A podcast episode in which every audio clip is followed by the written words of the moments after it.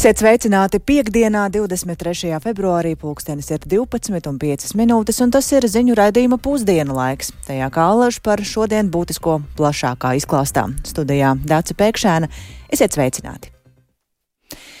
Kā jēgpilnāk ieguldīt Eiropas naudu un panākt to, lai investīcijas būtu pārdomātākas? Uz to šodien atbildes meklē konferencē saimā, par to diskutē kopā ar nevalstiskajām organizācijām un domā arī par to, kā labāk iedzīvotājs iesaistīt lēmumu pieņemšanām. Un šīm diskusijām seko līdzi kolēģi Sandra Dieziņa. Sveika, Sandra! Sveika, Dace! Jā, viena no konferences rīkotājām sabiedriskās politikas centra providus direktora Iveta Kažoka šodien Latvijas radio sacīja, ka nevalstiskās organizācijas palīdz veidot kritērijus, pēc kādiem investīcijas tiek piešķirts, bet tālāk vai reāli izdodas īstenot ieceres tiem, kam nauda domāta, nav redzams. Nesot arī normāla situācija, ka sabiedrībai nav izskaidrojumu, kāpēc simtiem miljonu lielas investīcijas kavējas. Kažoka uzskata, ka būtu normāla praksa, ja par visiem lielajiem projektiem būtu skaidrība ministriju vai iestāžu mājaslapās un kādā stadijā šie projekti ir, lai iedzīvotāji būtu informēti, lai nebūtu tā, ka pēkšņi attopamies, ka pusmiljards nav izmantojams ekonomikas spēcināšanai vai sociālo jautājumu risināšanai. Bet tad par pašu konferenci kādas ir tās galvenās atziņas, kas tur ir izskanējušas? Jā, konferences pirmajā daļā vairāk iztirzāts jautājums par sabiedrības un nevalstisko organizāciju lielāku iesaisti lēmumu pieņemšanā. Šo jautājumu pētījusi arī valsts kontrole un parādās kritika, ka partneri tiek iesaistīti fragmentāri, tāpēc procesam jābūt līdzdalīgam. Salīdzinot ar citām valstīm, Latvijā gan esot labāka pozīcija. Saimnes deputāts Uģis Mitrēvits no Nacionālās apvienības konferencē sacīja, ka Eiropas fondu investīcijas ir fundamentāli svarīgas šī gada ekonomiskajos rādītājos, lai visi iedzīvotāji sajustu, ka dzīve kļūst labāka. Jāsaprot, kā no viena ieguldītā eiro varēsim dabūt vairāk. Katrs nākamais periods ir labāks, priori, prioritātes ir jēgpilnākas, taču esot jāmaina daudzas lietas, jo dokumenti nesakrīt ar reālo dzīvi, Turklāt brutālais karš Ukrainā ir mainījis daudz lietas. Klausāmies! Tad mēs redzam, ka nu, neiet mums tik viegli, jo dokumentu mums ir daudz un labi, ja tā var teikt. Bet ar šo dokumentu ieviešanu dzīvē mums tik labi neiet. Nu, ir jāmaina daudzas lietas, tur ir fundamentāli redzams, ka mēs pat neejam tādā virzienā, dinamikā uz augšu, bet ejam uz leju. Sasniedzamos mērķus mēs īstenot no zaļās lietas. Tur ir viens pret desmit šobrīd. Ar to finansējumu, kas ir atrodams, kas varētu būt Latvijā. It kā viss ir labi, esam augšgalī un tomēr mūsu birokrātija ir tik liela fondu piesaistē, ka tur vairs nav jēga šo projektu īstenot, jo tas iegūms ir mazāks. Spēles noteikumi tiek mainīti laikā, kad jau projekts ir izsludināts un jau notiek iesniegšana. Tas bija saimnes deputāts Uģis Mitrēvits. Pārunājot līdzinējo pieredzi Eiropas fondu līdzekļu izmantošanā un kā šo praksi uzlabot un veicināt visu interešu grupu sekmīgu līdzdarbošanos, zaļās brīvības pārstāvis Maksis Apiņš sacīja, ka Latvijā sabiedriskās organizācijas ir iesaistītas projektu izvērtēšanā, bet tas būtu jādara plašāk. Viņš arī teica, ka organizācijām trūkstot informācijas, kur un kad jāiesaistās saistībā ar Eiropas Savienības projektiem, un te jau vai jānodarbojas ar izmeklēšanu, lai uzzinātu plašāku informāciju. Uzraudzības komitejā nesot arī plaši pārstāvēt jauniešu auditoriju. Un savukārt Finanšu ministrijas parlamentārā sekretāra Karina Ploka no jaunās vienotības uzsvēra, ka valstī gadu ienāks aptuveni miljards eiro, un šobrīd tā Finanšu ministrija aktīvi strādājot, lai pātrinātu fondu naudas ieviešanu. Paldies, Sandrai Dieziņai. Tāds lūk ieskats sarunās par to, kā tad jēgpilnāk ieguldīt Eiropas naudu un panākt to, lai investīcijas būtu pārdomātākas. Bet valsts policijā ir sākts krimināla process pret būvfirmu Velve saistībā ar Stradiņas slimnīcas jaunā korpusa būvniecības dokumentācijas pazušanu. Slimnīcas pārstāvi pieļauj, ka būvobjekta dokumenti savākti ar mērķi apgrūtināt slimnīcas turpmākos celtniecības plānus un sadarbību ar nākamo būvnieku. Savukārt Velve savu mantu un dokumentu paņemšanu no būvobjekta teritorijas uzskata par likumīgu un pārmetums noliedz. Situācijai ar Stradiņas slimnīcas jauno korpusu līdzi seko Sintija Ambote. Sveiks, Sintija! Par kādiem tieši būvniecības dokumentiem ir runa un kur tie īsti atrodas šobrīd? Nu jā, Stradiņas slimnīcas līgums ar būvfirmu Velve vienpusēji izbeigts jau 13. februārī un ar policijas klātbūtni jaunā korpusa būvlaukums pārņemts trešdien, arī vienpusēji un ar policijas klātbūtni un pārņemot savā valdījumā Stradiņas slimnīcas jaunā korpusa būvobjektu un apsakojot to eksperti konstatēja, ka Sijā Velve pārstāvi līdz ar personiskām mantām no būvobjekta izveda pasūtītājiem jeb slimnīcai piedarošo projekta dokumentāciju. Slimnīca par to informēja valsts policija, kas ieradās notikuma vietā un ir ierosināts krimināla procesa process pēc krimināla likuma 22. nodaļas noziedzīgi nodarījumi pret uh, pārvaldības kārtību. Slimnīcas pārstāvis zvērnāts advokāts Benno Butulis norāda, ka šie dokumenti kopumā 25 mapes pat laban atrodas policijā, kura izskatīs, kas tad uh, pieder pasūtītājiem un kas būvniekam, bet uh, vairāk tieši par šo dokumentu saturu un kādu kaitējumu slimnīcas ieskatā tas var radīt tieši šī nēsamība dokumentu. Klausamies advokātu kā būvniecības laiks bija bezdiešs, ka projekta dokumentācija jāpaliek objektā. Vienlaikus tika konstatēts, ka ar nolūku kas tika ļauts un darīts izvest personīgās mantas vai tādu ieganstu šajā te veldes apzīmētajā busiņā nonāca arī šī dokumentācija, kas bija nodota būvniekam, kamēr viņš veica darbus satur visas aktuālās izmaiņas, ja, kas ir notikušas, un attiecīgi šī ir tieši, nu, tā kā faktiski aktuālākā projekta dokumentācija, un, protams, ka tās nēsamība, nu, kaitē, nu, kaut kādā ziņā apgrūtina un rada iespējams gan laika, gan finanšu resursu iespējamu patēriņu, nu, tālākajiem darbiem, ja, nu, neatkarīgi no formas, kā tie, kā viņi tiks veikti. Savukārt Vēlves pārstāvis saka, ka savas mantas, tajā skaitā atsevišķu dokumentu paņemšana no pašu celtā slimnīcas korpusa būvlaukuma ir likumīga, un visām atbildīgajām institūcijām jābūt savam šo dokumentu eksemplāram, bet šis esot uzņēmuma eksemplārs. Tāpēc šo apsūdzību būvnieks sauc par apmelošanu no slimnīcas puses. Kā mēs zinām, būvnieks uzskata, ka arī objektu pārņemšana notika pretiesiski, un tāpēc arī šie dokumenti paņemti no objekta, lai uzņēmums saglabātu arī sev pierādījumus par paveikto. Tā komentē komentē būvfirmas vēl pārstāvis Stradiņa slimnīcas projekta vadītājs Kārlis Misiņš. Klausamies! Slimnīca nodarbojas ar pilnīgu rēderismu. Šobrīd tā situācija ir tāda, ka tie ir uzņēmēja vēlves dokumenti, tā ir būvniecības lietvedība, vēlves objekta lietvedība, tas ir būvprēks, kuru pasūtītājs mums ir izdevis tie līguma noslēgšanas, lai mēs veiktu darbus. Šobrīd atņemot šo dokumentāciju visu, nu, kas mums objektā bija, pasūtītājs pilnībā padara vēlvi bezspēcīgu un arī apakšu uzņēmējs pierādīt izdarīto darbu daudzumu. Tas, ko pasūtītājs rīko, tas vienkārši ir pretiesiski. Un tas vienkārši absurds, ka man policists pienāk klāt un trīs reizes man draud ar kriminālu procesu uzsākšanu par mani, ja es neatdošu dokumentus. Es policistam uzrādu dokumentus, kur pasūtītājs pats man ir ar pavadu vēstuli izdevis dokumentu, kur viņš norāda, ka viņš vienu eksemplāru patur sev un otru izdod vēlvēju. Nu jā, šo būvdarbu dokumentācijas iztrūkumu fiksējuši arī zvērnāti tiesu izpildītāji, par to informēts Būvniecības valsts kontrolas birojas un Rīgas eh, pilsētas būvvalde, tā norāda slimnīca. Um, nekādi darbi Stradiņas slimnīcas objektā šobrīd nenotiek, jo pasūtītājs uh, apsako būvlaukumu un uzskaita paveiktos darbus un arī zaudējumus, bet uh, slimnīcas pārstāvs arī sacīja, ka šis incidents kavē apsakošanu un šorīt uh, arī neviens no būvniekiem pēc uzaicinājuma nesot ieradies, lai to apsakošanu turpinātu darīt kopā ar pasūtītāju. Paldies, Cintējā Ambotei. Tad runājām par būvniecības dokumentiem, kas šobrīd atrodas pie policijas, kura tad arī skaidros, kurā pusē ir taisnība.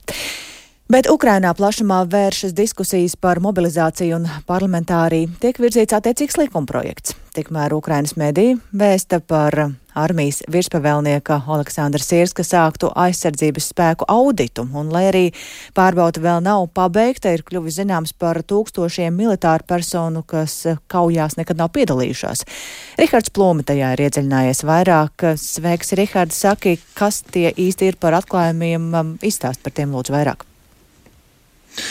Jā, labdien! Nu, mēs zinām, ka Ukraiņas armijā, protams, ir kāds noteikts skaits militāru personu, kā ierasti arī citās armijās, kuras strādā vienkārši, lai nodrošinātu e, karavīrus, e, tos, kas atrodas frontes līnijā un e, pašas tikmēr uz fronti nemaz nedodas. Taču šajā virspavēlniekā Sirska uzdotajā un vēl cik saprotams, nepabeigtajā auditā jau esot secināts, ka ir tūkstošiem militāru personu, kas kaujās nav piedalījušās, un par to žurnālistiem ir izteicies valdošās partijas tautas kalps līderis Dāvids Arahamija. Paklausīsimies, ko viņš teica vienā no intervijām par šo tematu.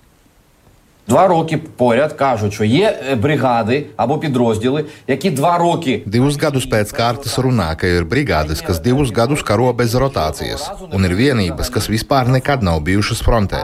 900 tūkstošu liela armija, 300 tūkstoši cīnās bez rotācijas. Kur tad ir 600 tūkstoši? Mēs saprotam, ka ir karavīri, kas nestrādā frontē, vai tā būtu loģistika, štābs vai kas cits. Bet jebkurā gadījumā pat labam tiek veikts audits, un viņi jau ir atraduši. Es šobrīd nevaru sīkāk pateikt, bet iespējams jau ir atrasti 8000 cilvēku, kas vienkārši tika nosūtīti uz ģenerālu štābu un nav karojuši. Viņi jau saņēmuši pavēles iziet mācības un būs kā pastiprinājums. Uzskatu, ka to karavīru skaits, kuri nav bijuši frontē kopš iebrukuma sākuma, būs daudz lielāks. Я вважаю, що цифра буде набагато більша. Jā, nu šāds lūk politiķu komentārs par uh, situāciju armijā, un, uh, protams, Ukrainai dzīvais spēks ir ļoti būtisks, tā resurss ir krietni uh, mazāks nekā Krievijai, tādēļ katra dzīvība ir no svara, un Ukrainai ne tikai ir grūti ar ieroču trūkumu, bet arī cilvēku resursu ziņā.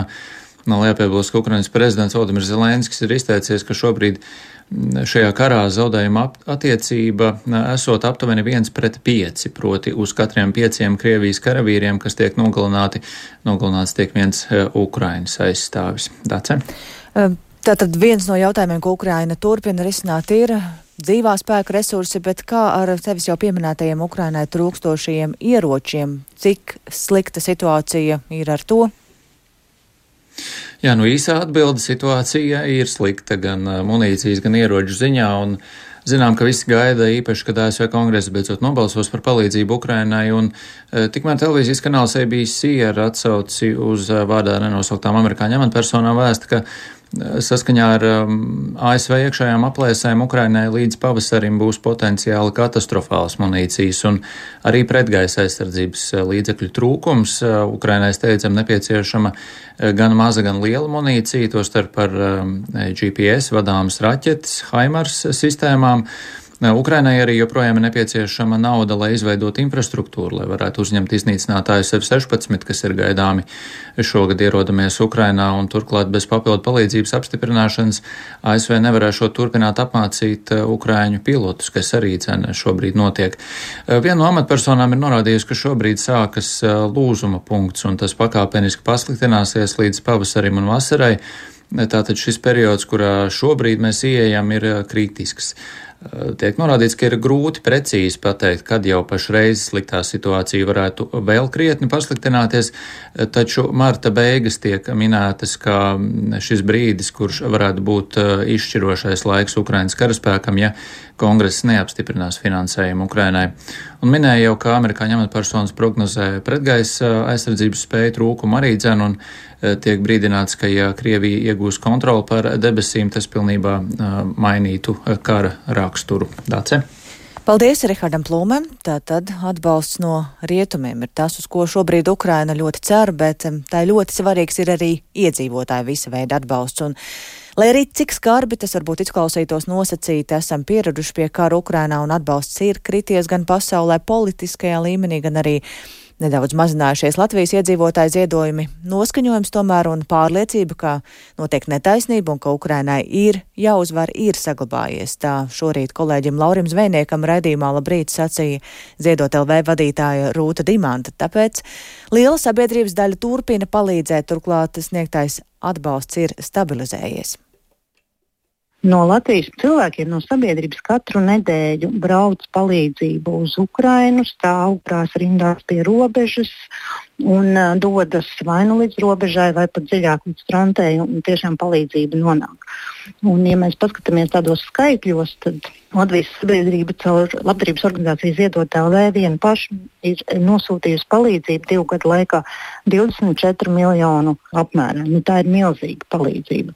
Un, ja paskatās vēl tā mazliet plašāk, tad kopā 90 dažādas biedrības un nodibinājumi tajā ir iesaistījušies šajā palīdzībā. Tad tā palīdzība jau ir sasniegusi 60 miljonus miljonus eiro. Nu, tas ir aptuveni miljons mēnesī. Jā, varētu teikt, tā miljonus mēnesī, ja sadalām uz dienām, tās ir ļoti iespējas summas. Katru dienu vairāki desmit cilvēki ziedo Ukrainā ar mūsu organizāciju vienu. Ja? Un, nu, pat, kad mēs Latvijas Rādio, Latvijas televīzija un LSM ir sākuši akciju domās un darbos kopā ar Ukraiņu, tad trijās dienās Latvijas iedzīvotājiem uzņēmumi jau saziedojuši 70 tūkstoši eiro. Tas ir daudz trīs dienu laikā, ņemot vērā, ka mēs tiešām esam pieraduši pie kara. Es varu teikt, tā, ka tad, kad notiek Ukrainā, kas tiešām ir šausminoši, kad atkal ir liela civiliedzīvotāju upuri, tad uh, ziedojumi ir vairāk. Un tas ir ļoti dabiski un saprotami. Un mūsu uzdevums ir tiešām aicināt cilvēkiem nu, atgādināt, ka mani 5 vai 10 eiro man kā cilvēkam savā dzīvē neko nemainīs. Kaut ko es mazāk iegādāšos, bet saliekot šo naudu no mums visiem kopā, mēs tiešām varam izglābt kāda cilvēka dzīvību. Un mums, kā Krievijas robežu valstī, ir jāsaprot, ka nu, to mēs nedrīkstam pieņemt, ka viņi iznīcina savu kaimiņu, atņem suverenitāti, mēģina iznīcināt tautu, viņas valodu nozog bērnus. Es teiktu tā, ka mums nav morāla tiesība vienkārši to noskatīties, mums ir jārīkojas. Ja kara sākumā bija grūti saprast, ka Ukrainai vajag vajadzēja visu, tagad tas ir ļoti skaidri izkristalizējies ar ļoti konkrētām kara daļām un vienībām, kas ir nepieciešams. Un tā saziņa notiek gan ar Ukraiņas vēstniecību, gan ar pašu Ukrainu. Tad mēs ļoti mērķiecīgi ar, ar kolēģiem piegādājam gan dronus, karavīriem, maltītes, gan mm, dažādas ģeneratorus, automašīnas un tās lietas, kas tiešām ir nepieciešams. Dažreiz jau liekas, ka nu, tas tāds sīkums ir viens ģenerators vai viens drons, bet tā tas nav. Saliekot kopā uh, daudz mazas lietas, palīdzība nāk un to mhm. Ukraiņi tiešām novērtē. Tā ziedot LV vadītāja Rūta Dimanta par Ukrainai tik ļoti svarīgo mūsu atbalstu. Un Dimanta arī pieminēja, ka Mēs, sabiedriskie mediji, aicinām domās un darbos būt kopā ar Ukrainu. Visu nedēļu raidām īpašu Ukrainas tematikai veltītu saturu. Rīt, piemēram, kad aprit divi gadi kopš Krievijas plaša mēroga iebrukuma Ukrainām, būs speciāli tam veltīts raidījums Labrīt, un tāpat arī Latvijas radio, Latvijas televīzija un portāls LSMLV kopā ar Ziedot LV aicina ziedot Ukrainas atbalstam, un to var darīt gan zvanot pa tālruni 902 04 020, gan arī tieši saistē ziedot LV slīpsvītra Ukrainai. Maksa par zvanu ir eiro 50 centi. Bet vai knab pabeigtā izmeklēšana un prokuratūrai nodotā krimināla lieta, kas saistīta ar bijušajiem un esošajiem centrālās vēlēšanu komisijas darbiniekiem, neietekmēs gatavošanos šī gada Eiroparlamenta vēlēšanām. Komisijā norāda, ka nē. Jāatgādina, ka par krāpšanu lielā apmērā apsūdz bijušo centrālās vēlēšanu komisijas vadītāju Kristīni Bērziņu, divus esošos darbiniekus un uzņēmumu SOAR. Apsūdzētā uzņēmuma pārstāvis Renārs Kāģulis gan par knabu izmeklēšanu ir kritisks un apsūdzības gatavs atspēkot ar datiem un dokumentiem, bet vairāk par šo lietu šodien ir interesējies Jānis Kīncis. Sveiks, Jāni! Sveicināti! Tātad Jāatgādina, ka korupcijas novēršanas un apkarošanas birojas eh, ceturtdien informēja par izmeklēšanā noskaidroto, ka uzņēmējs iepirkuma dokumentācijā iespējams norādījis nepatiesu informāciju par plānotajiem pakalpojumiem, tādējādi saņemot samaksu no Centrālās vēlēšana komisijas par, par faktiski neveiktiem darbiem. Un knapi ieskatā tādējādi varētu būt izkrāpti te 150 tūkstoši eiro. Iesaistītie CVK nodarbinātie apzinoties uzņēmēju iniciēto pretiesisko darbību sekas parakstījuši viltoto dokumentāciju. Tāds bija knaba vēstījums. Atgādināšu, ka šo lietu knaba sāka 2022. gada nogalē, un tolaik tajā figurēja desmit personu, ieskaitot arī visu toreizējo CVK sastāvu. Un pašlaik, kad lieta ir nodota prokuratūrai, lietā figurē trīs cilvēku un informācijas tehnoloģiju uzņēmums SOAR. Un Centrālajā vēlēšana komisijā norāda, ka Kanāba nav informējusi, uz kuriem iestādes darbiniekiem tātad attiecas šī lieta un kāds ir viņu status tajā. Un uz jautājumu, vai šī izmeklēšana ietekmē tagadējo komisijas darbu un Vai tas varētu ietekmēt arī gaidāmo Eiropas parlamenta vēlēšanu noris, norisi? Centrālās vēlēšana komisijas pārstāvis Andrēs Vaivars atbildēja noraidoši. Lūk, viņa teiktais.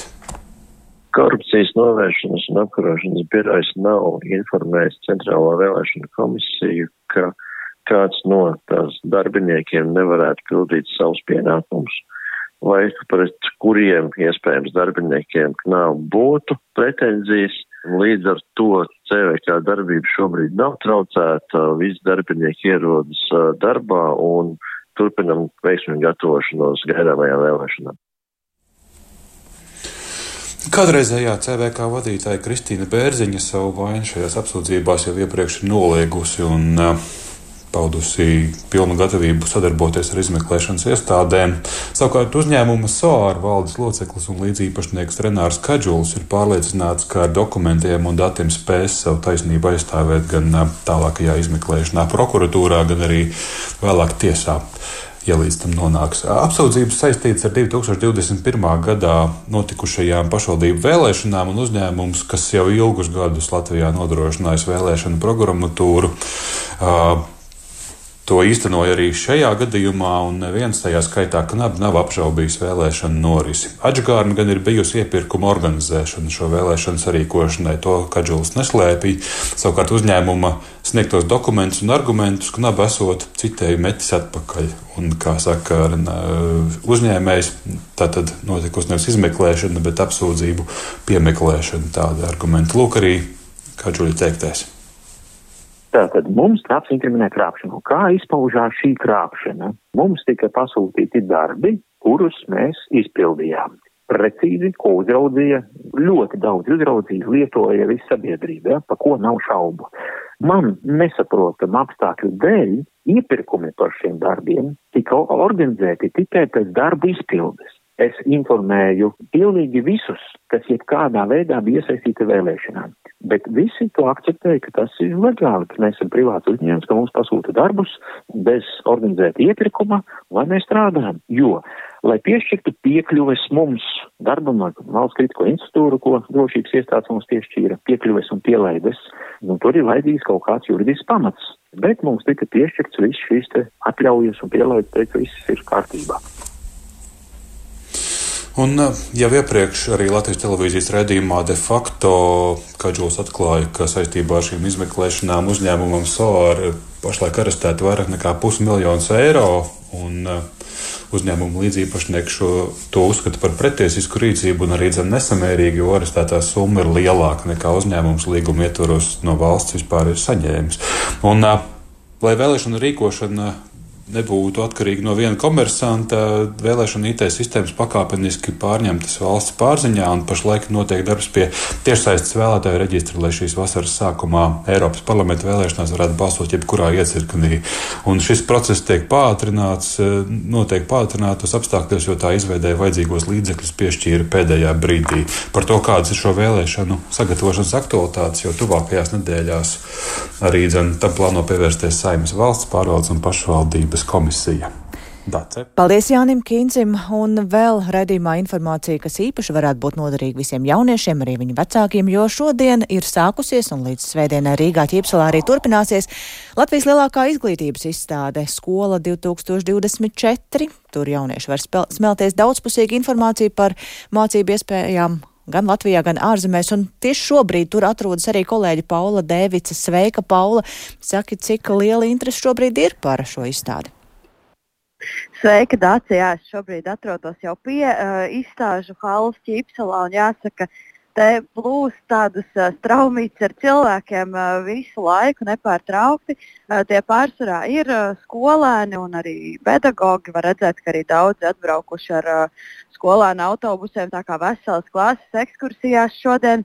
Arī aprunājos ar dažiem skolēniem, un te bija gan 9 klasnieki, gan 12 klasnieki, kur meklē tātad tālākas iespējas, kur studēt. Viņiem interesē dažādi praktiski jautājumi, vai, piemēram, ir kopmītnes skolām un kādas programmas, kādas stipendijas pieejamas.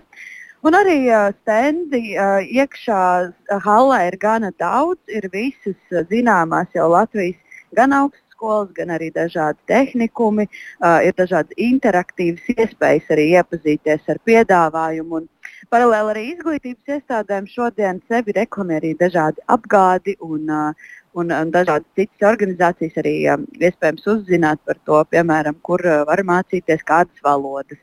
Piemēram, uh, Francijas. Uh, Vēstniecība Latvijā arī runā ar cilvēkiem, skaidro par stipendiju iespējām, studiju iespējām Francijā. Skolēniem iespējams uzzināt gan par Paldies. ārzemēs, gan Latvijā. Paldies, Paula. Jā, droši vien vēlāk arī varēsim plašāku ieskas, ieskatu gūt, kad izstāde jau būs ieskrējusies mazliet vairāk, bet šobrīd gan izskan raidījums pusdienu, un to veidojām mēs, Dāca Pēkšēna, Ilze Agīnta, kā arī Renāša Teimanis un Iveta Zvēniet. Uz tikšanos vēlāk!